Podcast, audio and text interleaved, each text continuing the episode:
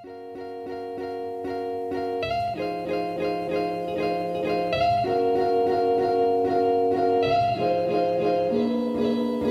kuulate investeerimisklubi podcasti, kõik on hästi, pea püsti, sõidad, kuulad seda bitti silmistu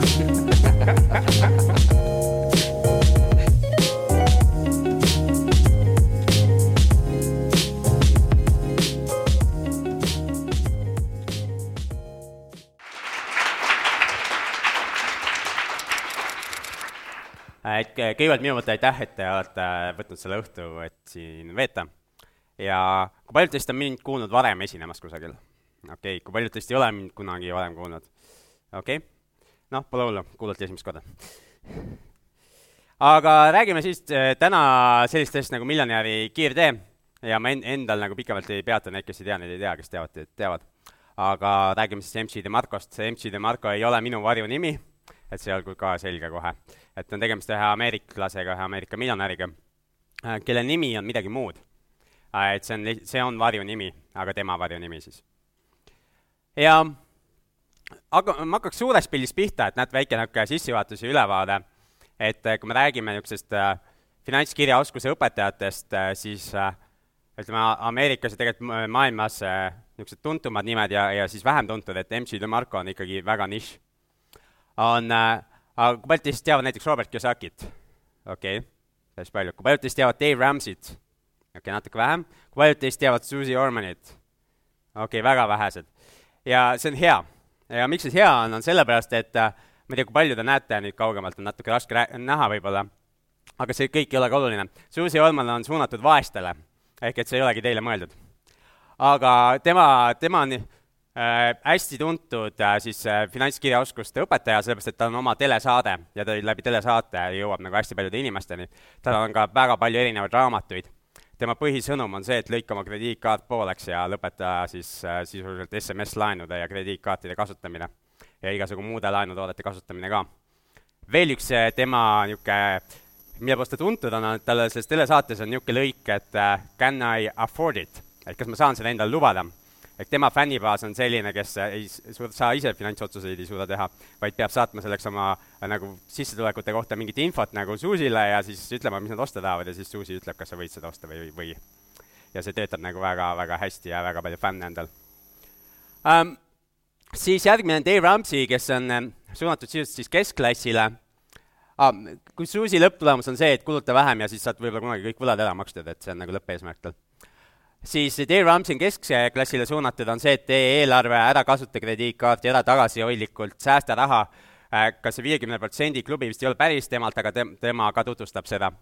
Äh, viiekümne protsendi klubis, räägib investeerifondidesse, kõige olulisem teema, mille poolest tema tuntud on, ta on ka raadio- ja TV-saated ja raamatute hulk.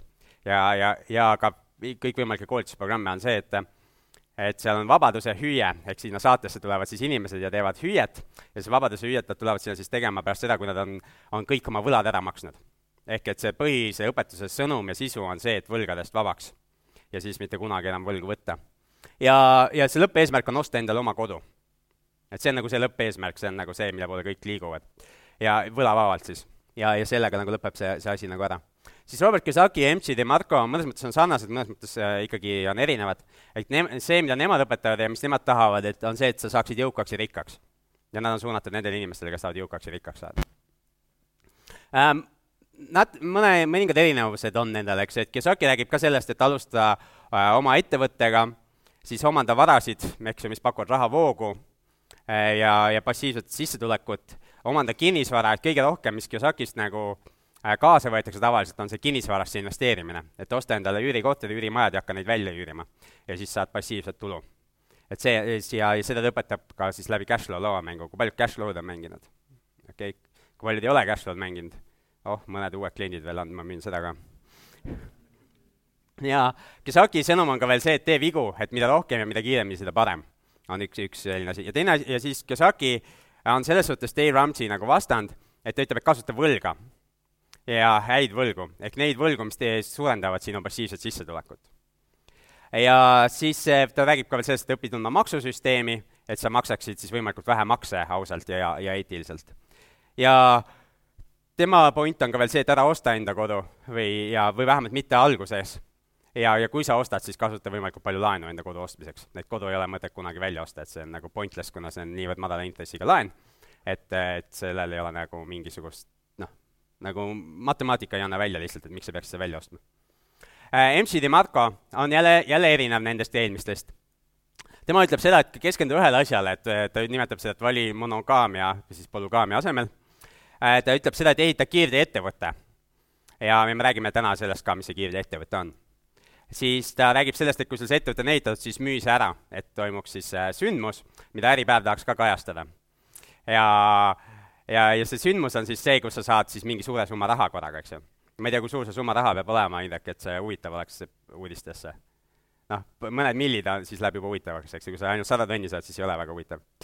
Äh, ja siis ähm, ta on see, et kui sa oled saanud rikkaks läbi selle kiirteettevõtte kasvatamise ja müügi, et siis hakka investeerima et siis otsi nagu madala riskiga varasid, kas on siis, tema lemmikud on kohalike omavalitsuste võlakirjad USA-s ja, või, või ka siis madala riskiga kinnisvara. ja, ja, ja põhimõtteliselt siis oled, noh, siis on ka finantsvabadus käes. ja, ja rikas, jääb finantsvaba, eks ju. ja siis, kui soovid, siis korda ütleb, et tee veel ettevõtlust. siis äh, mis veel? üks asi, mida MC DeMarco räägib, on see praktika paradoks raamatus, kui paljud teist on lugenud juba Miljonäri kiirteed? okei okay,, päris paljud. eks ju, seal on see praktika paradoksi koht. Ja, ja nende autorite inimeste puhul tuleks ka vaadata seda ja tegelikult kõigi puhul, kes koolitavad, eks ju, kaasa arvatud minu puhul võib seda vaadata ja Jaagu puhul ja, ja teiste inimeste puhul ka. et kas see, mida nad õpetavad, on see, kuidas nad ise on, on enda jõukuse äh, kogunud. ja siin äh, tuleb nagu äh, tuleb see noh, ütleme konflikt või erinevus väljagi, et näiteks Susie Orman on telestaarina oma varale alguse saanud ja ta investeerib, ise vähemalt ütleb, et investeerib kohalike omavalitsuste võlakirjadesse. Samal ajal, kui ta inimestele õpetab siis äh, seda äh, kui, kui investeerimist jutt läheb, siis investeeri mingitesse fondidesse ja mu-, mingid muud instrumendid. aga Susie Ormani programmide toetajad ja reklaamiandjad on, on erinevad fondihaldurid et seal on nagu see tegelikult hästi selgelt näha, et miks, miks ta soovitab just sinna varaklassi investeerida, kuigi ta ise ei paiguta sinna raha. ja, ja see tulemus oleks, nagu ma enne ütlesingi, võlgadest ja kiirlaenudest vabanemine. Dale Ramsey on äh, samamoodi siis, tema on raadiostaarina tegelikult oma varanduses äh, saanud. ta on kinnisvarainvestorina alustanud ja pankrotti läinud. ja siis äh, hakanud raadiosaateid tegema ja finantskirjaoskuse koolitusi tegema ja siis sealt on oma varanduse loonud. ja investeerib ise fondidesse ja kinnisvarasse ilma laenuta mida ta õpetab inimestele, on jälle fondidesse investeerimine, et midagi muud jälle õpetab. ja, ja mingil määral ka kinnisvara, kinnisvara investeerimist ka äh,. Siis äh, eks see võlavaba elu enda, endale kuuluvas kodus on nagu see lõppeesmärk, et kui, kui teda jälgida äh,. Robert Kiyosaki, kuidas tema on äh, jõukuse kogunud? on ettevõtlus ja, ja tegelikult laenuga kinnisvara ostmine on see, see, mille, mille, mis tema enda on. ja mida ta õpetab, on siis äh, Äh, ka ettevõtlust ja laenamist ja siis seda kinnisvarasse investeerimist. et seal on nagu natuke rohkem kattuvust. Äh, siis äh, MC DeMarco, eks ju, mis ütleb, et sisuliselt noh, mis ta ise ka välja toob, eks ju, on see, et õpetab seda, mida ta on teinud, ehk siis loonud ettevõtte, kasvatanud seda, müünud ära, siis ostnud selle odavamalt tagasi, eks ju, nagu tal seal lugu seal raamatus, eks ju, oli, siis uuesti kasvatanud suureks ja ära müünud selle ja, ja, ja siis investeerinud selle siis nendesse kohalike omavalitsuste võlakirjadesse ja, ja kinnisvarasse. ja raamatus tegelikult ta ka tutvustab seda mudelit ja räägib see, räägib nagu sellest järjekorrast äh,. Nüüd üks suur erinevus Robert Kiyosaki ja MC DeMarco vahel on see, et MC DeMarco ei esine kusagil avalikult, vähemalt eriti mitte mingid erandlikud asjad, keegi on suutnud le äh, leida vist ka mõned veebis midagi on. annab hästi vähe intervjuusid äh,, Äripäeval äh, mul õnnestus kaubelda intervjuu välja ja ma see, just rääkisime Indrekuga, et es-, järgmine esmaspäev peaks ilmuma see lõpuks, jah noogutab. Et see on mõned nädalad ootel nagu olnud, et, et äh, kuna sellega ei ole kiiret, kuna see eksklusiivintervjuudega on see asi, et selle avaldamisega ei ole kiiret, kellelgi teisel ju ei ole seda, siis, siis see võtab aega. aga, aga muidu väga, väga nagu ei ole seda, tema neid intervjuusid äh, saada siis äh, Robert Kiyosaki on jälle vastupidi, igal nädalavahetusel ta kusagil esineb, et kui te tahate kusagil netist otsida, siis, siis kusagil maailmas ta esineb praktiliselt igal nädalavahetusel Äh, ja nendest teistest, no nemad on telekas ja raadios iga nädal, et, et, et erinevad. Siis üks hästi suur erinevus veel, äh, mul võttis nagu päris mitu nädalat aega diskussioone, vaidlusi ja, ja arutelu, et üldse neid slaide valmistada, aga, aga ka, et selleni jõuda, selle lihtsustuseni. et äh, kõige suurem erinevus, et kuidas jõukaks ja rikkaks saada nende kahe autori meelest, on see, et Robert Kiyosaki ütleb, et kõigepealt peaksid sa odavatest välja saama. ehk su passiivne tulu peaks ületama su kulud äh, ja, ja siis oled odavatest väljas, ehk, ehk siis näiteks üüritulu katab su igasugused ela, elamiskulud, sa ei pea tööl käima enam, enam või mingi, sul põhimõtteliselt pole vaja midagi teha. Ja siis seejärel pea, peaks keskenduma sellele, et saada rikkaks. siis MC-de Marko on täpselt vastupidi, ta ütleb, et kõigepealt saa rikkaks ja siis äh, tegele sellega, et odavatest välja saada. ehk see passiivne tulu tekiks.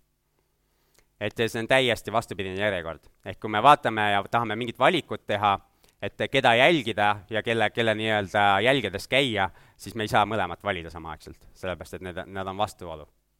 Eks ju, need, kes me odavatest väljas juba oleme, nagu mina ja Jaak ja kindlasti on siin ruumis veel, eks ju, noh, meil ei ole nagu enam midagi valida, eks ju, meil on ainult rikkaks saamine jäänud veel. see esimene osa on tehtud, noh et selles, selles suhtes siin, noh, meil ei ole midagi valida enam. ja, ja rikkaks saamise osas mulle tundub, et MC-de matkal on nagu paremat materjali pakkuda kui, kui Kiyosakil. et Kiyosaki see fookus ja materjalid ja raamatud ja kõik on keskendunud sellele odavatest väljasaamisele. et tal see rikkaks saamise osas on nagu suht nõrk, see, see materjal. siis äh, lä-, aa, okei okay. äh,, kaks-kolm minutit, saage nüüd naabriga tuttavaks ja küsige ta käest, et äh, mis nendel neljal autoril vahet on ja mis nende õpetustel vahet on, käige korra see veel üle ja siis lähme edasi miljonäri kiirde raamatu juurde. kaks-kolm minutit, läks! ja tänage oma vestluspartnereid.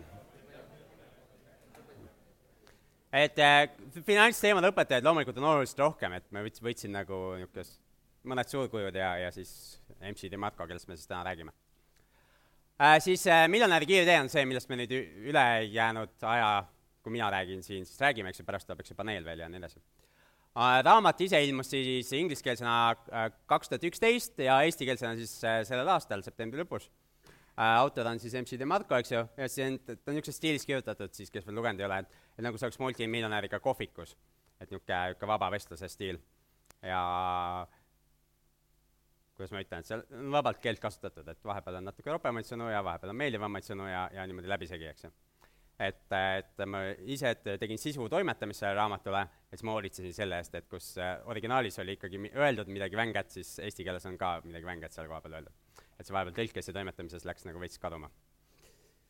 Äh, kolmsada kaheksakümmend lehekülge on seda, seda teksti siis. Äh, mik-, miks see raamat mind kõnetas? Et võrreldes nagu näiteks Rikas ja vaaniisaga, ta on oluliselt konkreetsem. et Robert Kiyosaki kasutab hästi äh, äh, Vaneisas äh, sellist asja, mida NLP-s tuntakse paksu keelena. tea, kui paljud teist on NLP-d õppinud, aga, aga paks keel tähendab midagi sellist, et sa teadlikult ütled selliseid lauseid, millest igaüks loeb välja täpselt seda, mida ta tahab sealt välja lugeda. seega, kui te näiteks Rikas ja Vaneisa üle kellegi arutlete, ja mina olen seda viimase, viimase kümne, kümne-kaheteist aasta jooksul nagu päris palju teinud, siis kõik inimesed räägivad erinevat juttu, mida nad sealt raamatust lugesid. Nad loevad sama raamatut, nad saavad erinevalt aru aga see on teadlikult niimoodi kirjutatud, et võimalikult pa-, paljudele see raamat meeldiks. siis miljonäri kiirtee on nagu äh, täielik vastand sellele, et ta on oluliselt konkreetsem, mis tähendab ka seda, et tal tegelikult see sihtgrupp on kitsam ja, ja paljudele inimestele see stiil ei meeldi, mis seal kirjas on. aga mulle nagu see, see konkreetsus meeldis. siis äh, ta e-, eelkõige on kirjutatud, eks ju, noorele mehele äh,, ja, ja paljud naisterahvad on öelnud, et nad ikkagi ka tegelikult leidsid palju häid asju sealt, nii et noh, selles suhtes tundub nagu, et ta on okei okay aga see mingi autolugu seal all ja nii, alguses ja nii edasi, et, et võib-olla see oli ka, mis minule lugemise lihtsaks tegi, eks ju.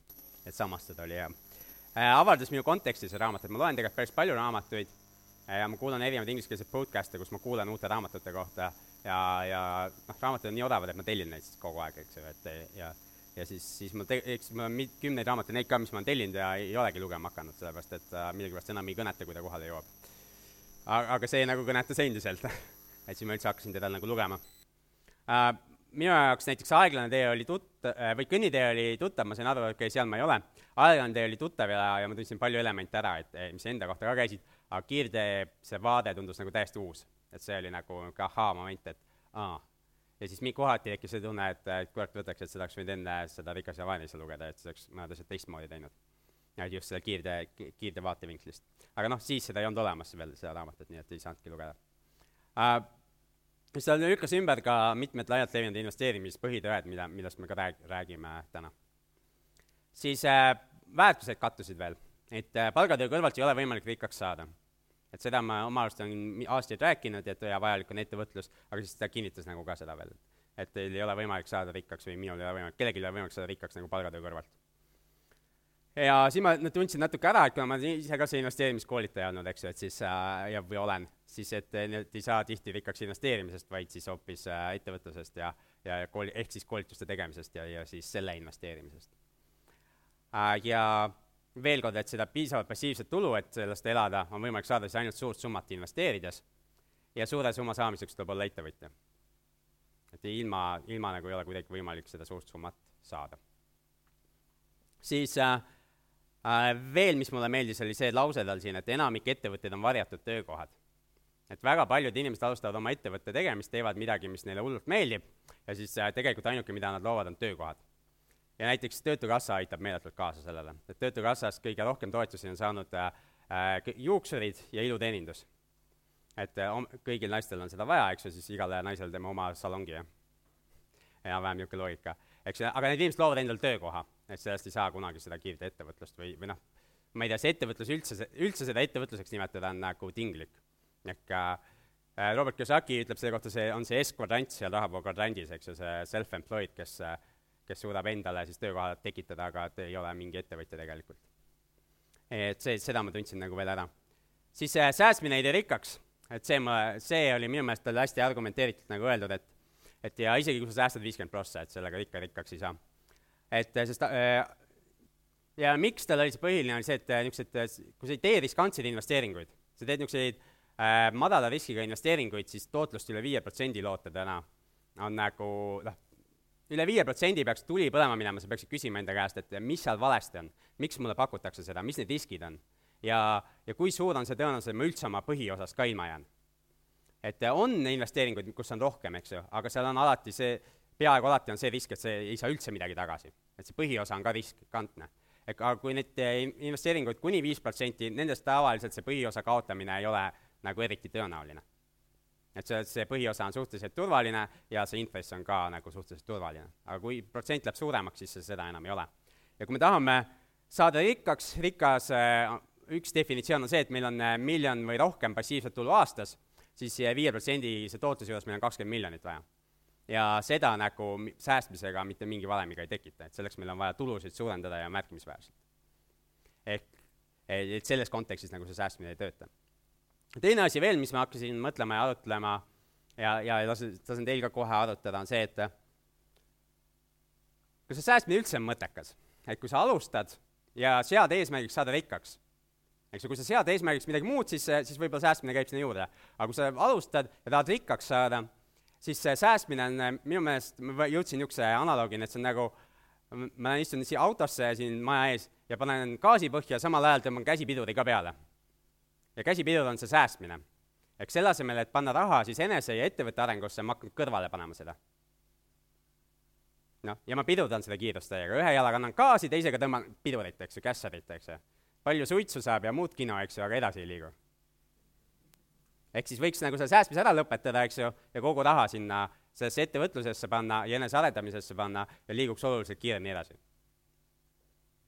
see on mõte, mille üle arutleda kaks-kolm minutit naabriga. kuidas teile tundub see? sest ma olen ise ka fifty-fifty selle koha pealt, see on minu jaoks nagu niisugune uus kontseptsioon, mida ma ka läbi seedin ja, ja hea meelega kuulan, kuhu te arutlusega jõuate. nii et kaks-kolm minutit, rääkige naabriga läbi, et kas tasub säästa või ei tasu säästa, läks. ja tänage oma vestluspartnereid. Nonii, tasub säästa või ei tasu säästa, kuhu te jõudsite?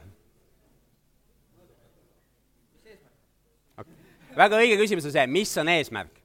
et äh, me räägime kohe sellest raamatu sisust, eks ju, et äh, mõne eesmärgi puhul on see mõistlik, eks ju, see säästmise komponent ja mõne eesmärgi puhul ei ole. et milleni siin raamatus lihtsalt äh, või raamatut lugedes mina jõu-, jõudsin ja vaieldes ja arutades inimestega, on see, et mulle, et mulle tundub, et kui mu eesmärk on rikkaks saada, siis ei ole säästmine mõistlik. sellepärast, et see pidurdab protsessi. kui ma tahan saada selle oma kodu omanikuks või selle, selleks mõnusaks keskklassiks, siis noh, säästmine käib nagu sinna juurde aga kui nad rikkaks saada, siis nagu see on error. et kui me räägime startup ettevõtjatega, kui paljud on startup ettevõtjad siin, on keegi ruumis? okei okay,, üks on. mis sa ettevõtet sa käivitad? mis protsess? okei okay,, alustate ettevõtet? okei okay., et siis eh, teil üks küsimus on see, et kui kiiresti ma saan, kasutatakse seda väljendit, kui kiiresti ma saan raha ära põletada, ehk midagi kasulikku te-, et seda, seda toodet nagu valmis ehitada ja siis, äh, kuna see põletamiskiirus on tavaliselt kiirem kui see raha, mis sisse tuleb, siis sa laenad veel juurde, ehk võtad, kaasad investorid, müüd osa osalust ära, eks ju. ja üksikisikuna, eks ju, ma võiks juurde laenata seda, et seda protsessi nagu kiirendada. selle asemel, et säästa, ma võtan laenu hoopis. et, et, tõmmata nagu kiirust veel juurde. et see muidugi või, kui see asi nagu vastu seina jookseb, siis ta jookseb vastu seina, siis ongi noh, vastu betoonseina jooksmine, eks ju. juhtub õnnetus äh,, äh, finantsõnnetus siis aga, aga noh, see mõte nagu, kui startup'i analoogiat kasutada.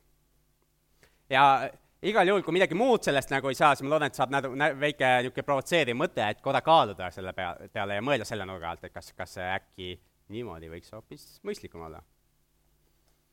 siis äh, see raamat innustas mind äh, mõtlema suuremalt, et kontrollima, kontrollitav piiramatu võimendus ja ma saan aru, et see on üks termingi sealt kiirteelt, eks ju, kontrollitav piiramatu võimendus ehk et mul ei ole võimalik rikkaks saada Eestis, sest meil ei ole lihtsalt pa-, nii piisavalt palju inimesi.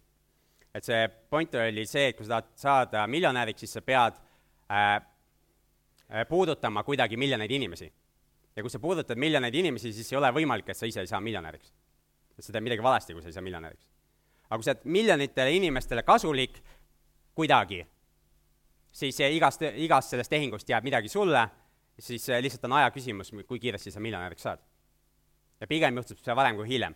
aga Eestis meil ei ole miljoneid inimesi, nii et esimene niisugune provokatiivne asi minu jaoks oli see, et aga Eestis peab midagi suuremat hakkama tegema, Eestist väljapoole ka.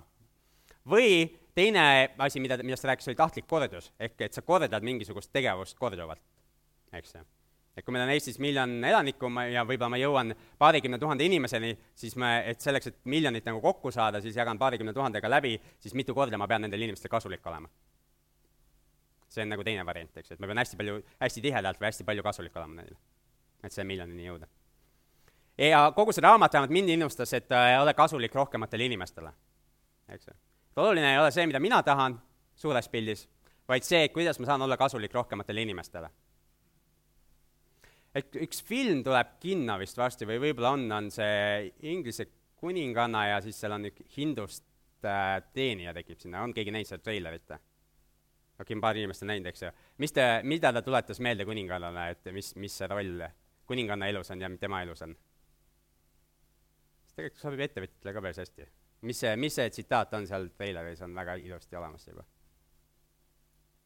võite, võite vaadata, aga see inglise keeles oli midagi it's about service või et see on te-, et elu või see roll on teiste teenimine. ettevõtjana on minu roll teenida teisi inimesi ja teenimine eesti keeles tähendab, on mitmetähenduslik sõna, see, ma mõtlen seda selles tähenduses, et olla kasulik teistele. et luua midagi kasulikku, pakkuda midagi kasulikku teistele. olla teiste teenistuses. ja, ja see raamat toob nagu hästi välja seda veel. Äh, ja siis ta annab teada, et äh, eks, et ainus võimalus üldse rikkaks saada on, et võtta täielik vastutus oma fin-, finantsplaani eest, et ta kasutas niisugust väljendit, et sa ei saa rentida endale rikkuse autojuhti. mida väga-väga paljud inimesed püüavad teha, et rentida endale rikkuse autojuhi et noh, ku-, kuidas me teame, et hästi paljud inimesed nagu tahavad rentida endale rikkuse autojuhti? okei okay,, üks on fondihaldureid, et fondihaldurit läheb hästi, see on variant, aga kuidas me veel teame, et rikkuse autojuhti tahetakse endale rentida? Te mõtlete liiga advanced, mõelge lihtsamaks natukene. kuidas me teame, et inimesed tahavad palgata rikkuse autojuhti? Püramiidskeemid on meeletult laialt levinud Eestis ja, ja, ja, ja mujal ka järjest rohkem. ehk püramiidskeemid enamus toimivad sellepärast, et inimesed usuvad, et on võimalik ühe sündmusega rikkaks saada. inimesed ostavad loteriipileteid sellepärast, et nad usuvad, et on võimalik rikkaks saada. ja nad ja lähevad kaasa igasugu püramiidskeemidega ja tihti, ma ei tea, noh, oleneb, kuidas see võrkturundus üles ehitatud täpselt on, aga osa võrkturundusi on ka pigem püramiidskeemid, et inimesed lähevad nagu nendega kaasa, lähevad kaasa nende inimestega, kes lubavad kiiret rikkust.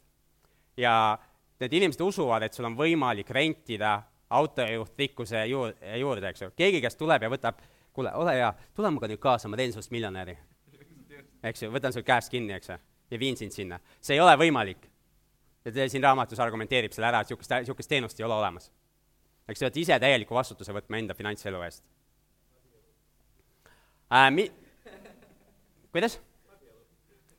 abi, jah, abielu on üks valem jah, tõesti, et abiellud äh,. siin on nagu, okei okay,, ärme lähe sinna teemasse. siin me upume ära kuhugi.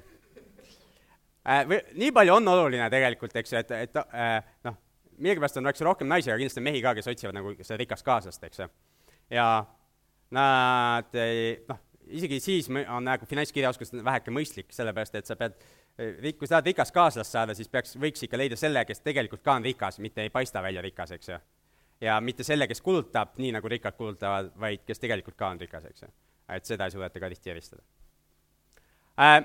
Mis veel kattus, et minu missiooniga läks jõle hästi nagu kokku, et minu missioon on tõsta eestlaste majanduslikku heaolu, sest ainult finantsiliselt vabana oled sa tõeliselt vaba ja isiklikud huvid olid ka, lõid välja nagu natukene, eks ju, et mulle meeldib müüa head asja ja see raamat tundus mulle, et see on see, selline asi. ja mul tekkis soov autoriga kohtuda ja nüüd ma olen saanud temaga mitu, mitmeid kordi on olnud põhjust suhelda. Et äh, kohtunud veel ei ole, aga, aga ma arvan, et see, see saab ka reaalsuseks mingi hetk. ja vaba raha oli ka vaja kuhugi panna. et nagu ma enne ka ütlesin, ma ise ka, ka võrdlust väljas ja raha jääb iga kuu kogu aeg üle, et see raha on kuhugi vaja panna. ja, ja siis äh,, siis see raamat tundus nagu üks mõte.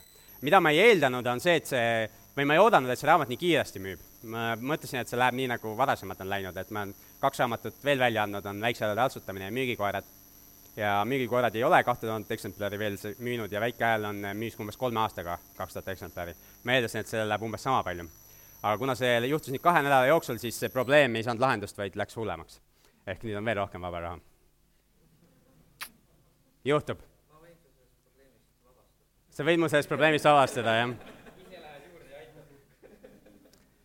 okei okay. äh,. ma ei tea, mis sul mi-, mõttes nagu on, aga, aga, aga just, et noh, raha niisama ära kaotada, et seda ma oskaks ise ka, eks ju. aga, aga mõistlikult nagu kasutada on küsimus. aga miljonäri kiirtee juurde lõpuks jõudes ja räägime raamatu sisust ka lühidalt, et ta jagab selle äh, maailma, eks ju, siis kolmeks on kõnnitee, mis viib vaesusesse, siis on aeglane tee, mis viib keskpärasusse ja kiirtee, mis viib meid siis jõukuse juurde äh,.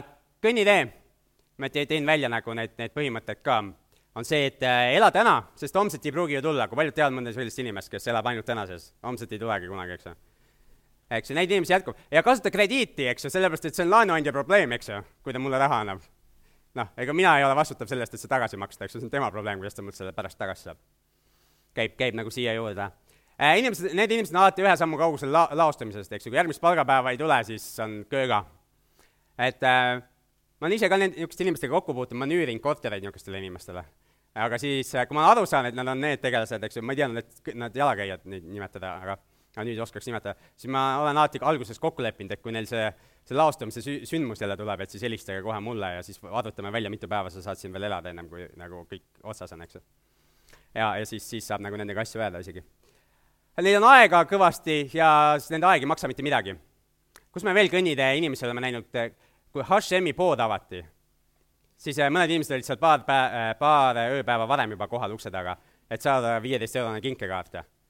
ja ne-, nende puhul isegi ei ole küsimust, kas nad on need kõnnitee inimesed, sest nad magasid kõnniteel, noh. et siis jumala selgelt kõnnitee inimesed. aeg ei maksa midagi, eks ju, ma võin olla seal nelikümmend kaheksa või üheksakümmend kuus tundi selleks, et saada viisteist eurot kinkekaart või sada eurot kinkekaart. aeg ei maksa mitte midagi. siis nende inimestega on see, et kui sul on midagi suhkelda sellega, Äh, kui palju on mõni Facebooki sõber, kes paneb igasugu uhkeid pilte ülesse? noh, kõnnid inimesed, noh. Et ostavad midagi, panevad pildi ülesse. Äh, siis nad käivad kasiinos, ostavad loteriipileteid ah,, ja siis on neil vahest äh, päris tihti, Eestis võib-olla mitte nii palju, aga Ameerikas on neil tavaliselt käsil ka mõni kohtuprotsess. sest ühega neist ju peab rikkaks saama. et kui kasiino ja loteriiga ei saa, siis vähemalt sa kohtust saan, eks ju. ehk, ehk siis kuidagi tahtlikult jään kellegi auto alla, kes, kellel võiks raha olla, et, et talt kätte see saada Äh, ka Eestis on niisuguseid hulle olemas. mulle on proovitud auto alla ronida näiteks. Peaaegu oleks lõuga andnud, aga siis, siis sain aru, et see ei lõpe ka hästi, et siis vaidlesin natuke aega, kuni ta ära läks. Äh, inimene tahtis jah, ikka, et ma tast üle sõidaks. Äh, siis võidab see, kellel on surves kõige rohkem asju, kui paljud kuulsid, seda reklaamiasut oli isegi Eestis vahepeal, eks ju. et see on need kõnnitee inimesed on need, eks ju. asjad, asjad, asjad, asjad, asjad, hästi palju asju Nad on avatud pettustele, need kõnnitee inimesed, sest äh, nende, nad usuvad seda, et jõukuse jaoks on vaja vedamist. Rikkaks ei saa keegi muud moodi kui ainult vedamisega. ja on see üks uskumus. Nad usuvad, et jõukus on sündmus, et jõukaks saadakse mingi sündmuse tulemusena. noh, mingi tööga ju, tööga ei saa rikkaks, eks ju, tegelikult ei saagi, eks ju, aga aga, aga teistsuguse tööga, mis ettevõtluse raames on võimalik teha, eks ju, on võimalik rikkaks saada. aga nad ei usu seda, eks ju, et see, et kõik ettevõtjad, kes on rikkaks saanud, neil on vedanud ja, ja nad on kusagilt varastanud, eks ju, midagi. on nende inimeste uskumus ja veel, mis nad usuvad, millegipärast kahte esimest asja nad, eks usuvad, ja siis nad usuvad veel seda, aga keegi teine kindlasti saab mind ka rikkaks teha. keegi teine, eks ju, saab mind rikkaks teha. ja neid teisi, kes lubavad, et nad saavad sind rikkaks teha, neid on kõik kohad täis. enamasti nad ütlevad sulle äh,, et, et ainult, et sa pead enne kaks tuhat eurot mulle tooma ja siis ma teen su rikkaks. ja neid me tunne, tunneme tihti püramiidskeemi nime all või siis Nigeeria kirjade nime all või siis äh, veel igasuguste variantidel. Jaak on, Jaagu poole on ka pöördunud igasugu niisugused, rohkem võib-olla kui minu poole, eks ju. sa kunagi rääkisid seda tädi lugu, eks ju, kes kuhugi Nigeeriasse raha saatis. et noh, kõnniteel olev inimene, ilmselgelt äh,. Siis äh, kuna valimised alles olid, siis ma panin selle järgmise tsitaadi siit äh, al-, alt, et see oli nagu, nagu niisugune lahe, lahe tsitaat, et kunagi peaks ise kandideerima, siis kindlasti ehitaks kogu kampaania kõnniteel olevate inimeste peale ülesse. sest neid on lihtsalt kõige rohkem Nad inimesed otsivad lihtsalt elu, kuid samas tahavad, et keegi teine maksaks selle eest. ehk et ainuke, noh, et nende hääled saada, sa pead lubama, et, äh, et ma teen su elu paremaks ja keegi teine maksab selle eest. kas just nii otse, aga, aga vähemalt selle illusiooni pead neile looma äh,. Siis äh, nad usuvad, et valitsus või mõni teine asutus peaks tegema rohkem nende jaoks, nad on süsteemi ohvrid, nad on elu ohvrid, sest äh, elu jagas neile halva käe mis iganes nad, mida, mida nad siis usuvad, jumalat või keda iganes, keegi jagas neile nii-öelda halvad kaardid kätte. keegi teine peaks neid paremaks tegema olukorda. Nad valivad ükskõik millise poliitiku, kes lubab neile kulude vaba elu. luba neile kulude vaba elu ja see, ja, ja nad valivad sind. tasuta tervisekindlustust, tasuta haridust, tasuta kütust, tasuta kodulaen, vau, andke mulle valimissedel. ehk valimised meil just olid, mis erakonnad Eestis on, kes ja-, jahivad jalakäijaid nagu kõige paremini ja samastuvad nendega? Sotsiaaldemokraadid nagu ilmselgelt, eks ju, kes veel? ja Keskerakond saab ka suurepäraselt hakkama sellega. et, et need on need kaks erakonda, kes, kes nagu suudavad sellele, selle grupiga nagu kõige paremini rääkida. me anname teile kõikvõimalikke asju ja keegi teine maksab selle eest. okei okay?? sotsidega on ainult see jama, et neid valivad ka intellektuaalid ja need intellektuaalid on tihti kõrgepalgalised ja, ja, ja lõpp, päeva lõpuks nad avastavad, et kuigi lubati rikastelt raha võtta, siis võetakse neilt hoopis. et see, see error vahest on nagu sotsiaaldemokraatide valijate seas aga millegipärast on neile see okei okay.. okei okay,, lähme edasi aeglase tee juurde. saime kõnniteega ühele poole. aeglane tee viib keskpärasusse. see on see, et ohverda tänane helgema ja vabama homse eh, lootuses. ehk täna teeme igasugu asju, otsime täna töökoha, võtame iga päev toitu kaasa, et raha säästa äh,. säästame, paneme kümme protsenti palgast aktsiaturule ja pensionifondi selleks, et säästa, säästa, veel kord säästa sest liitintress on võimas. täna investeeritud kümme tuhat on neljakümne aasta pärast kümme kasiljonit või triljonit või mis iganes mustmiljonit. sest me usume, et see liitintress teeb meid rikkaks. Äh, mis see versus on see, et kui ta räägib, et kui sa oled kiirteel, siis sa ei kasuta kunagi liitint-, või sa ei kasuta int-, liitintressi mitte selleks, et rikkaks saada, vaid selleks, et rikkaks jääda ja selleks, et sul oleks likviidsust. et äh, liitintress, kui see on üle viie, nagu me rääkisime, on see ohtlik, see on seotud äh, põhiosa kaotamise ohuga siis äh, äh mis veel on vahva, on see, et aeglases tees kaheldakse harva. see on nii veenev vale, et kui pettus avastatakse, on elust möödunud kümneid aastaid. enamasti inimesed saavad aru, et see ei töötanud siis, kui nad ongi seal kuuskümmend viis. sest enamus aeglase tee õpetusi põhineb sellel, et sa saad rikkaks kuuekümne viiendaks eluaastaks. ja kui sa oled kuuskümmend viis käes, siis sa lihtsalt näed, et oi, ma ei olegi miljonär. ja siis on juba hilja parandada asju ja seda on kõige lihtsam müüa, et äh, tegelikult see, selle aeglase tee õpetuste müük on kiirtee iseenesest. sest, äh, ja see on täielik kiirteäri, et ma müün nagu, nagu seda aeglase tee õpetust. ja töötab nagu ülihästi, sest massid tahavad seda osta. see kõnnitee variandid müüvad ka ülihästi, muidu Susi Orman ei oleks nii nagu rikas ja, ja laialt tuntud. sest kõnnitee inimesi on meeletult ja nad kõik fännavad Äh, aega on neil ka küllaga, aga nemad ei anna, nende aeg ei ole tasuta, nemad vahetavad seda raha vastu. kui neile pakutakse töö juures ületundide tegemise võimalust raha eest, siis nad ütlevad, oh yes, mina teen ületunnid. et mina, ma tahan teha ületunde, eks ju, kui ma tahan tulla nädalavahetusel tööle, sest siis saab pooleteistkordset palka, vist riigipühal saab ka kahekordset palka ja, ja ületunnid riigipühal kolmekordne palk, ma olen kohal. ja siis ettevõtjana sa pead tegelema sellega, et vaadata, et neid liiga palju kohal ei oleks, muidu sa pankrotti lähed ma olen näinud seda kõrvalt lähedalt, et mul üks hea sõber pidas restorani ja ei, ei pidanud arvestust, siis kõik olid tööl nagu. veebruari lõpus on riigipühad ja ületunnid ja kõik asjad läksid kokku. võlg on kurjast ja võlga peab pühalikult ründama, võlast on vaja vabaks saada. haridus on tähtis, sest see aitab teenida rohkem palka. kiirteel on ka haridus tähtis, aga kiirteel on haridus tähtis selle jaoks, sest see aitab ehitada paremaid süsteeme. aeglasel teel ma tahan haridust saada selle jaoks, et teenida rohkem palka. Eks ju, kui me, kogu akadeemiline haridus on üles ehitatud selle jaoks, et, et sa saaksid rohkem palka teenida. see, et kuidas ehitada paremaid süsteeme, seda, seda õpetust on väga vähe. ja enamus sellest on äh, akadeemilisest või tavalisest haridussüsteemist väljaspool Neil raha napib ja iga sendi ja dollari üle tuleb arvet pidada. kogu aeg on vaja eelarvestada ja, ja hästi ettevaatlikult on vaja säästa kogu aeg aeglasel teel. töökoht on ainus sissetulekuallikas. Tööta, säästa, investeeri ja siis mine uuesti tööle, säästa veel natukene ja investeeri. korda seda nelikümmend aastat. siis oled, see on, see on nagu see püha tõde siin. lepi vähemaga loobu suurtest unistustest, no lõpuks sa kuuekümne viieselt saad aru, et sa ei saagi neid suuri unistusi. ja siis sa lihtsalt loobud nendest, noh, too bad. ei saanud Ferrari raha kokku. Säästa, ela kokkuhoidlikult, ära võta ebavajalikke riske ja ühel päeval lähen ma miljonitega pensionile, on see lubadus, eks ju, mis kunagi ei realiseeru. aga sa saad seda teada siis, kui sa oled liiga vana. ja et see jääks väga ühekülgseks, siis tegelikult ta ütleb siin ka sada üheksakümmend üks leheküljel, et see probleem ei ole mitte see aeglase tee plaan või need mo-, momendid sellest aeglasest teest, vaid probleem on siis, kui sul on ainult see plaan. su ainuke plaan ongi see aeglase tee plaan. See on probleem. kui see on üks osa plaanist või tagavaraplaan, siis see on okei okay.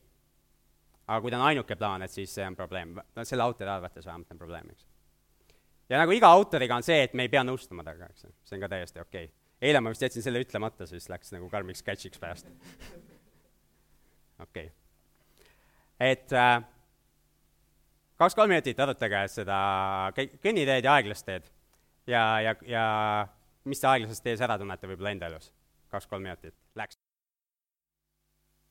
okei okay,, hakka vestlust kokku võtma. ja tänage oma vestluspartnereid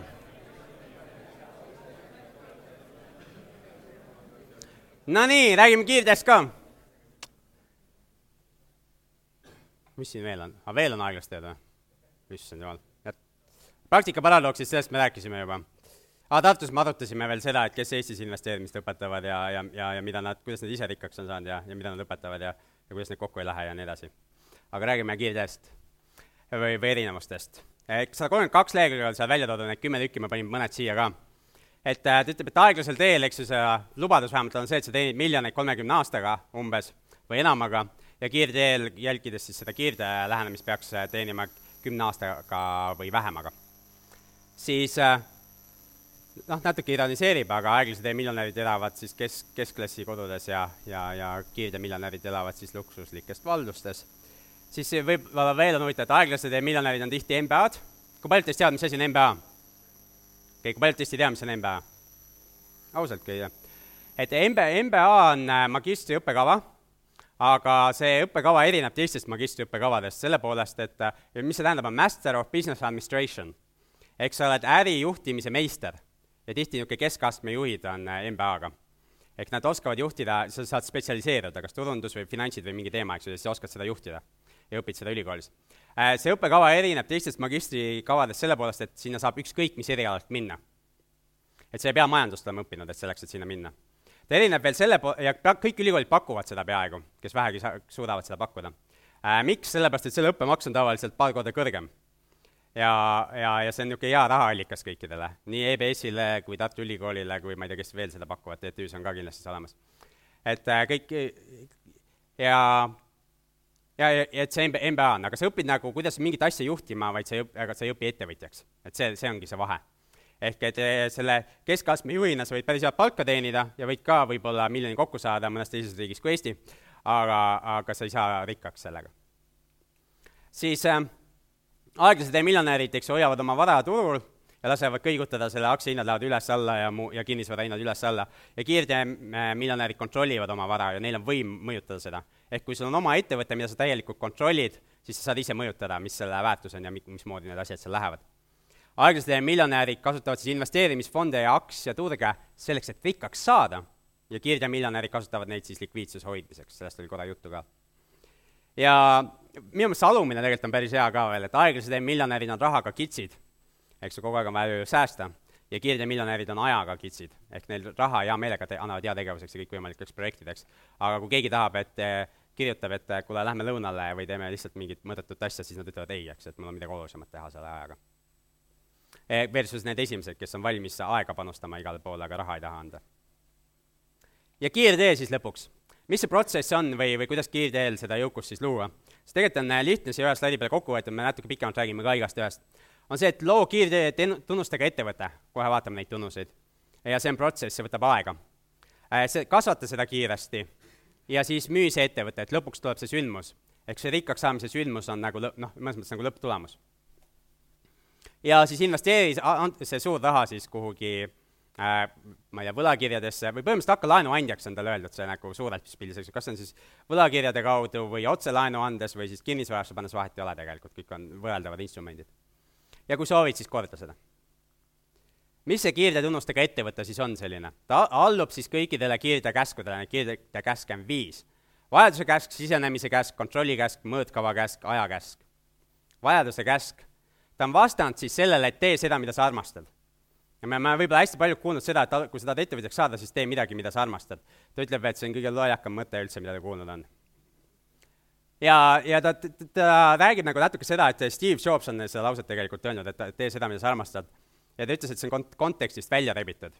ehk et ta ütles seda lauset pärast seda, kui Apple oli väga edukas ehk et ta ütles, et need inimesed, kes tavaliselt ütlevad seda, et tee seda, mida sa armastad, nad tavaliselt ütlevad seda asja kohta, mis on saanud edukaks ja mida väga paljud teised inimesed armastavad ja siis nendel noh, tekib ka loomulik armastus selle suhtes lõpuks. eks ju, kuna see on nii edukas.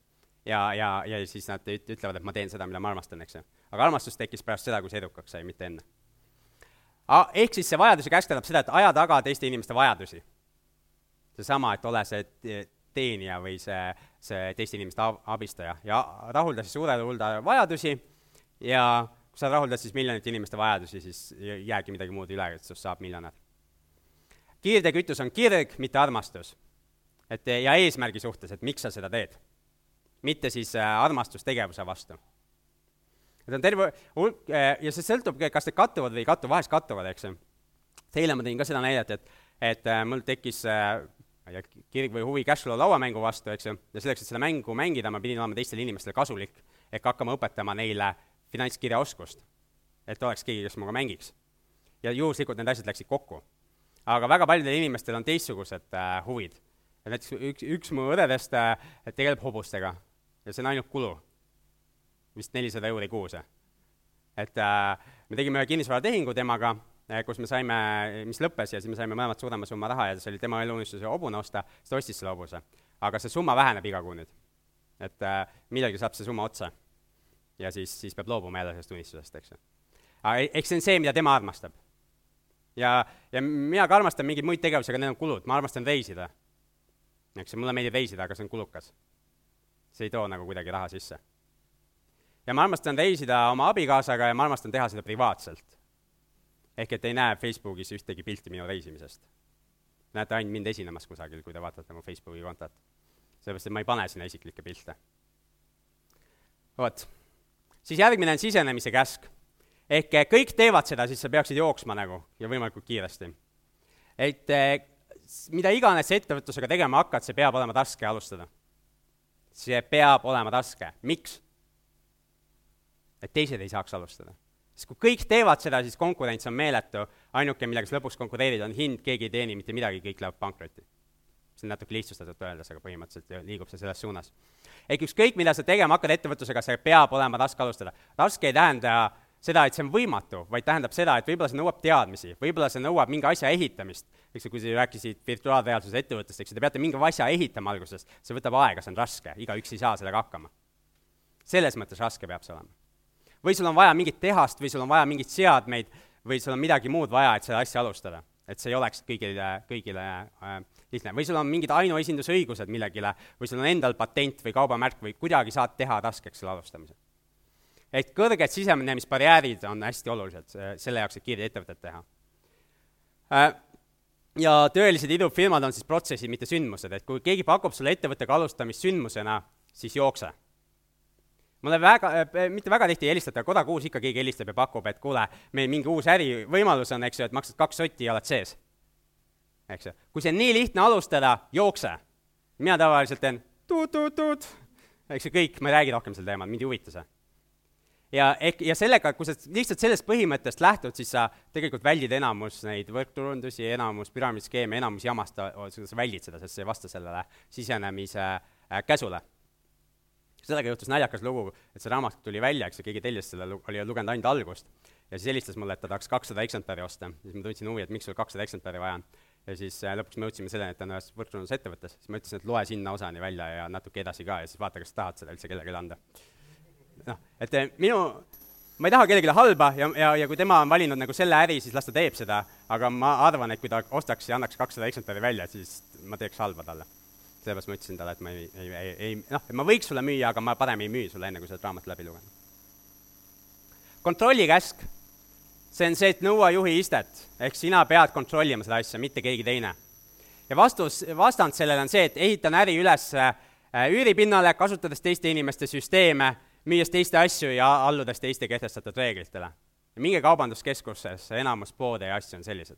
müün kellegi teise asju edasi, asun kaubanduskeskusel üüripinnal, keegi teine kehtestab hinnad, keegi teine kehtestab kohapeal reeglid, eks ju, kaubanduskeskus teeb midagi ümber, olen väljas, eks ju, kõik. Et eh, see on nagu, ärge tehke seda, teil ei ole kontrolli. Te, üldse mulle meeldis see väljend, see asi siin, et ära ehita oma äri üles üüritud pinnale see on minu meelest nii sügav tähenduslik, et üüritud pinnal ei tasu äri üles ehitada. ja see ei olnud ainult, eks ju, füüsilises mõttes, et sa üürid midagi, vaid ka virtuaalses mõttes, ehk ära ehita oma äri üles Facebookile näiteks, ära tee sinna Facebooki, selle peale, et sul on Facebooki fännid kusagil. täna sul on need fännid, homme paneb Facebook su konto kinni ja sul ei ole seda enam. Et otsige internetist lugusid, on tuhandeid väikeettevõtjaid, kes on oma kogu ärist ilma jäänud läbi selle et, et sa pead kuidagi muud moodi klientideni jõudma, mitte läbi kellegi sellise süsteemi nagu ma ei tea, Facebook või, või, või Google Ads ainult sõltud sellest. täna sul on see sissetulek, teised ei ole. või Youtube'i staarid, eks ju. täna saad sissetulekut, homme ei saa enam, eks ju. Nad kõik eksivad kontrollikäsu vastu äh,. Eks ju, kui sa kontrollid ettevõtet, kontrollid sa kõike, organisatsiooni, tooteid, hinnastamist, tulumudelit, tegutsemise valikut, kõike pead kontrollima.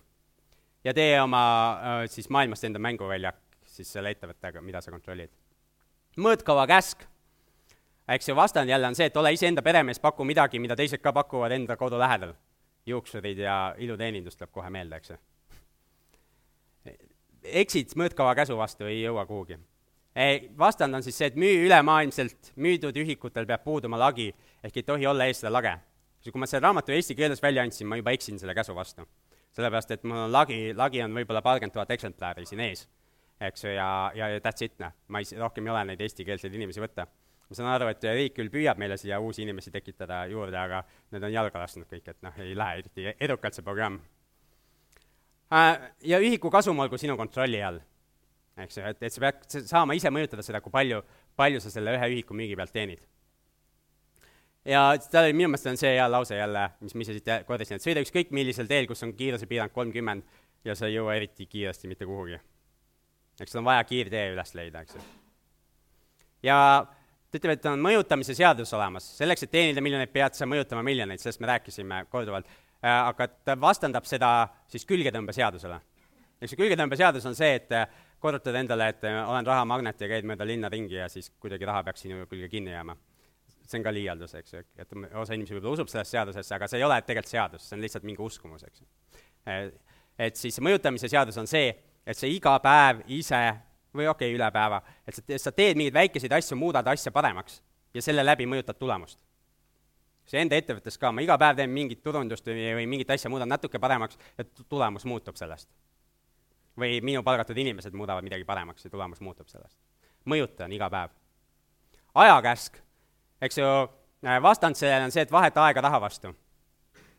ja kiirtekäsk on siis see, et arenda ettevõtet eesmärgiga see automatiseerida eesmärk on ettevõtte automatiseerida. ehk et kui sul on, täna alustan niisuguses valdkonnas, mida ei saa automatiseerida. automatiseerimise üks alaliike on inimsüsteemid, ehk et on mingisugune tegevus, mida inimesed peavad kordama. ta siin raamatus ütleb, et see on nagu kõige raskem ja talle isiklik, selle raamatu autorile isiklikult ei meeldi niisugused süsteemid. või niisugused ettevõtted, kus inimsüsteemidel on liiga suur osa. aga kõikvõimalikud arvutisüsteemid ja kõik muud asjad, eks ju, on, et on, see on võimalik automatiseerida. automatiseerimine täna on kordades odavam kui varem. kordades odavam. uute klientide leidmine, kui sa tahad ettevõtet alustada, on kordades odavam kui kümme aastat tagasi. Sealt me jõuamegi selle Facebooki jutuni, millega ma suutsin eile Marko isa närvi ajada niimoodi, et ütles, et ta mind kunagi näha ei taha enam. ehk et et ta tegele-, tegeleb kasutatud autode äris, eks ju, ja ta ütles, et Facebooki ei saa kasutada turundamiseks, ma ütlesin talle, et minu meelest kasutatud autode äris on täielik tühjus ja see on tegelikult jumala hea võimalus. tee e-raamat, kus on seitse asja, mida, mida sa peaksid teadma kasutatud auto ostmisel äh,, reklaami seda Facebookis, inimesed tulevad su lehele, annavad sulle maili aadressi, nad loevad su raamatu, neil on usaldus sinu vastu. Sest enamus automüüjaid on ju niikuinii tahavad seda tünga teha, eks ju. aga kui sina oled see ainus, kes mind harib, siis ma usaldan sind, nii lihtne on eristada sellest kambast eks ju, ja siis paku, et või õhtul hakkasin mõtlema, et kuidas seda edasi võiks veel teha, võiks küsida, eks ju, et millist autot sa otsid ja mis hinnaklassis, eks ju, ja siis võiks tegelikult pakkuda selle auto sinna otsa. et tegelikult ke-, keegi võiks selle ära teha. et kui see ei ole sinu isa, siis võiks keegi teine selle ära teha, et see oleks päris lahe. noh, ta vähemalt näeks, et see töötab, eks ju. kellegi teise jaoks siis. et see on rahapuu kasvatamine, eks ju. Et kui tema ei taha rahapuud kasvatada, las keegi teine kasvatab sellest rahapuu, eks ju. ja sedasama asja saab kõikvõimalikes valdkondades kasutada et kümme, kaksteist aastat tagasi meil oli või, ainuke võimalus kasvada oli niisuguseid kogunemisi näiteks korraldada, kui ma Cashflow klubiga alustasin. ja siis, et võtke sõbrad kaasa järgmine kord, eks ju. meil ei olnud Facebooki ja meil kõi-, kõige edasijõudnum tehnoloogia, mis meil oli, oli Rate.ee ja seal sai kümne palli süsteemis hindeid panna. sellega kurat ei jõudnud kuhugi nagu äriliselt mõttes peale aja surnuks löömise, eks ju, siis, siis oli üldse äri metsis, noh kümme palli maksis täpselt, seitse palli sai anda ilma maksmata. okei okay,, siis on olemas meil veel kolm riikidevahelist kiirteed ja need on võimelised siis alluma kõigile viiele käsule. eks ju, kõik, enamus internetiärisid alluvad, eks ju, sellele, nendele käskudele. siis innovatsioon. ja innovatsioon, hästi palju aetakse segamini seda, et räägitakse siis loomisest ja tootmisest. Ja ma näen näiteks innovatsiooni õpetatakse näiteks Eesti õpilasrühmadele ja ma näen, et neile ei õpetata selle innovatsiooni teist osa, levitamist. miks ma seda näen, ma olen olnud õpilasfirmade Laada žüriis ja põhiprobleem, mida Eesti õpilasfirmad ütlevad mulle alati, on see, et me ei jõua piisavalt toota, et noh, nõudlust on rohkem, eks ju. ehk siis tegelikult mida nad ei õpi ja ei oska, on see, et nad ei oska hinnastada ja nad ei oska levitada oma tooteid. ka need on, see on tegelik probleem. aga mis nad ütlevad, on see, ma ei oska toota või ei jõua toota ja nii edasi, eks ju. ja mul on olnud võimalus ka, et siin on Rootsi õpilasfirmasid näiteks olnud, neile õpetatakse hoopis teisi asju, neile õpetatakse, et on olemas see äh, Alibaba.com, sealt otsite mingi toote ja sinna panete mingi oma logo peale ja siis ülejäänud aja keskendume turundusele ja müügile. see on õpilasfirmade programm Rootsis. Versus Eesti oma, mis ütleb, et te peate tootma midagi rahvuslikku, sellepärast et teevad sokke iga aasta ja mis kurat muud, eks, rahvusvärvides. salle ja kindaid ja kurat, igasugu kraami. või, või Saaremaa omad teevad kadakast midagi ja nii edasi. noh, sest neile öeldakse, et sa pead tootma midagi rahvuslikku. jama äh,. siis äh, tahtlik kordus on veel üks asi, et kui me rääkisime enne, et kui sa teed näiteks selle juuksurisalongi või, või ma ei tea, võileivapaari või midagi niisugust, eks ju, eh, siis kui sa suudad ühe koha tööle panna, siis, siis sa saad selle riikidevaheliseks kiirteeks muuta läbi tahtliku korduse. Subway on hästi hea näide või McDonalds ka, eks ju et Subway üks C töötab ideaalselt, nüüd me saame kopeerida seda kümneid tuhandeid kordi. ja kusjuures, kui see üks töötab normaalselt, siis selle kopeerimise eest maksavad teised. seda nimetatakse frantsiisimiseks. ehk siis, sina oled frantsiisi andja ja teised maksavad sulle selle eest, et sinu süsteemi kasutada. ehk kui sa tahad alustada niisugust lokaalset väikest äri, siis alusta seda selle mõttega, et see, ta saaks hiljem kopeerida ja süstematiseeri see üks asi ära. hästi hea USA seriaal selle jaoks, kui tahate vaadata, kuidas seda teha, on Profit Markus Lemonis on äh, üks ettevõtja, kes investeerib väikeettevõtetesse sellesama eesmärgiga, et luua nendest üks mudel ja siis seda frantsiisima hakata. seal on vist neli-viis hooaega, kui te internetist leiate ülesse, Profit on selle seriaali nimi ja väga-väga palju õpib sellest. pärast seda ma ei saa ühtegi Eesti restorani ega toidukohta enam minna, sellepärast et ma näen neid vigu kõiki, mida seal seriaalis on kümme korda kajastatud. okei okay,, siis on ettevõtte kasvatamisest on veel juttu, et on idee ja teostus, eks ju. et äh, e-, paljud, eks ju, fokusseerivad sellele ideele, eks ju, sul võib olla geniaalne idee ja teostus puudub, eks ju, see pole tuhkagi väärt. ja vastupidi ka, et sul on kohutav idee, geniaalne teostus, okei okay,, see on midagi väärt. aga et kusagil seal vahepeal, et neid asju saab mõjutada. ja müümise ettevõte on, sellelt tahtsin ka korraks peatuda. et kui paljud teist on kuulnud niisugusest asjast nagu tegevusharu kordaja varem? okei okay,, kui paljud teist ei olnud kunagi tegevusharu kordajast varem kuulnud, esimest korda kuulete täna? okei okay,, sul on kodutöö tegemata ehk siis õpetad tegevusharu kordajat ka, eks ju. Aga mina sain sellest äh, aru, tegelikult ma käisin äh, Tõnn Taltsepa koolitusel selle aasta alguses, äh, mida ta Äripäeva Akadeemiaga koostöös teeb, ettevõtete hindamise koolitus või aktsiatesse investeerimise koolitus kuu aega kestis esmaspäeva, kolmapäeva õhtuti. ja seal ma sain järsku aru, mis see tegelikult on ja varem olin ka kuulnud sellest, aga ma ei saanud aru nagu. ehk tegevusharu kordaja tähendab seda, et erinevad ettevõtted võivad teenida sama palju raha, aga nad on väärt erinevat summat. kui ettevõte teenib sada tuhat eurot kasumit aastas siis näiteks kui ta teenib, äh, on siin paaride, paaridena tegutseb, jah, sada tuhat teenib, siis selle eest ollakse valmis kakssada seitsekümmend tuhat maksma. selle saja tuhandese ettevõtte eest. kui seesama, kui meil on näiteks IT-ga seotud teenused, siis ollakse valmis kaheksasada üheksateist tuhat maksma selle eest. meeletu vahe, sest tegevusharudel on erinev kordaja, see tuleneb sellest äh, tegevusulatusest, riskidest ja igasugu sellistest asjadest või siin on mingi kirurgiline, meditsiiniline varustus, siin on arvatavasti patendid ja muud asjad äh, mängus, eks ju, sada tuhat äh, teenib ja ollakse valmis üks koma seitse milli maksma selle eest, eks ju. et väga-väga, ja need on tegelikult, äh, siin alt on kaduma läinud, aga need on raamatus, on need numbrid, aga see on kaks tuhat üheksa seisuga, need muutuvad aja jooksul. aga või noh, võib-olla mitte nii drastiliselt. ehk et kui te alustate mingit ettevõtet, siis palun vaadake, et seal oleks tegevusharu kordaja ka olemas. ma kunagi miks ma raamatupidamisfirma ära lõpetasin, mis mul oli, või, või vähemalt oleme vähendanud seda ja, ja on jäänud mu abikaasa hobiks, oli sellepärast, et ma hakkasin uurima, mis see tegevusharu kordaja on. tegevusharu kordaja on see, et sa äh, müüd selle ära teisele raamatupidajale ja saad selle eest ühe aasta käibe. ehk kui sada tuhat on käive, siis saad sada tuhat, kõlab hästi, aga maksetingimused on see, et sa saad kümne aasta jooksul selle. eeldusel, et see, see raamatupidaja tegutseb üldse nii kaua ehk et see on nagu see standard või klassika, kuidas raamatupidamisfirmasid müüakse. ja siis ma sain aru, et äh, no okei okay,, täna filmitakse, ma ei kasuta neid sõnu, mida eile. aga ühesõnaga, ma sain aru, et mul ei ole mõtet tegeleda sellega rohkem. et see, sellega ei saa rikkaks, ei ole see koht. ja kokkuvõttes siis äh, uuesti on see, et kui me nüüd oleme saanud rikkaks, siis me saame laenuandjaks suure rahaga, investeerime seda madala riskiga võlakirjadesse, selgelt tagatud laenudesse intressiootusega kuni viis protsenti, kõik, mis on üle viie protsendi, ma ei tea, jätke meelde, taguge pähe või raiuge pooleks või mis iganes teha vaja on, on riskantne ja te peaksite küsima, mis siin valesti on, miks mulle rohkem tahetakse maksta. sest kui see ei ole riskantne, siis võib minna äh, Swedi LHV-sse ükskõik kuhu ja võtta laenu ja saab viis või madalama intressiga äh,. ja veel uuesti on see, et turu, turgu me ei, ei, kui me tahame kiirteel olla, siis me ei kasuta, kiirteel olijad ei kasuta äh, siis seda turgu mitte rikkaks saamiseks, vaid rikkaks jäämiseks. naudi või korda ja kui kordad, siis loo kiirtetunnustega ettevõte, kasuta seda kiiresti, müü see ettevõte, investeeri, saad suur raha siis passiivse tulu saamise eesmärgil, oleks see valem, aitäh!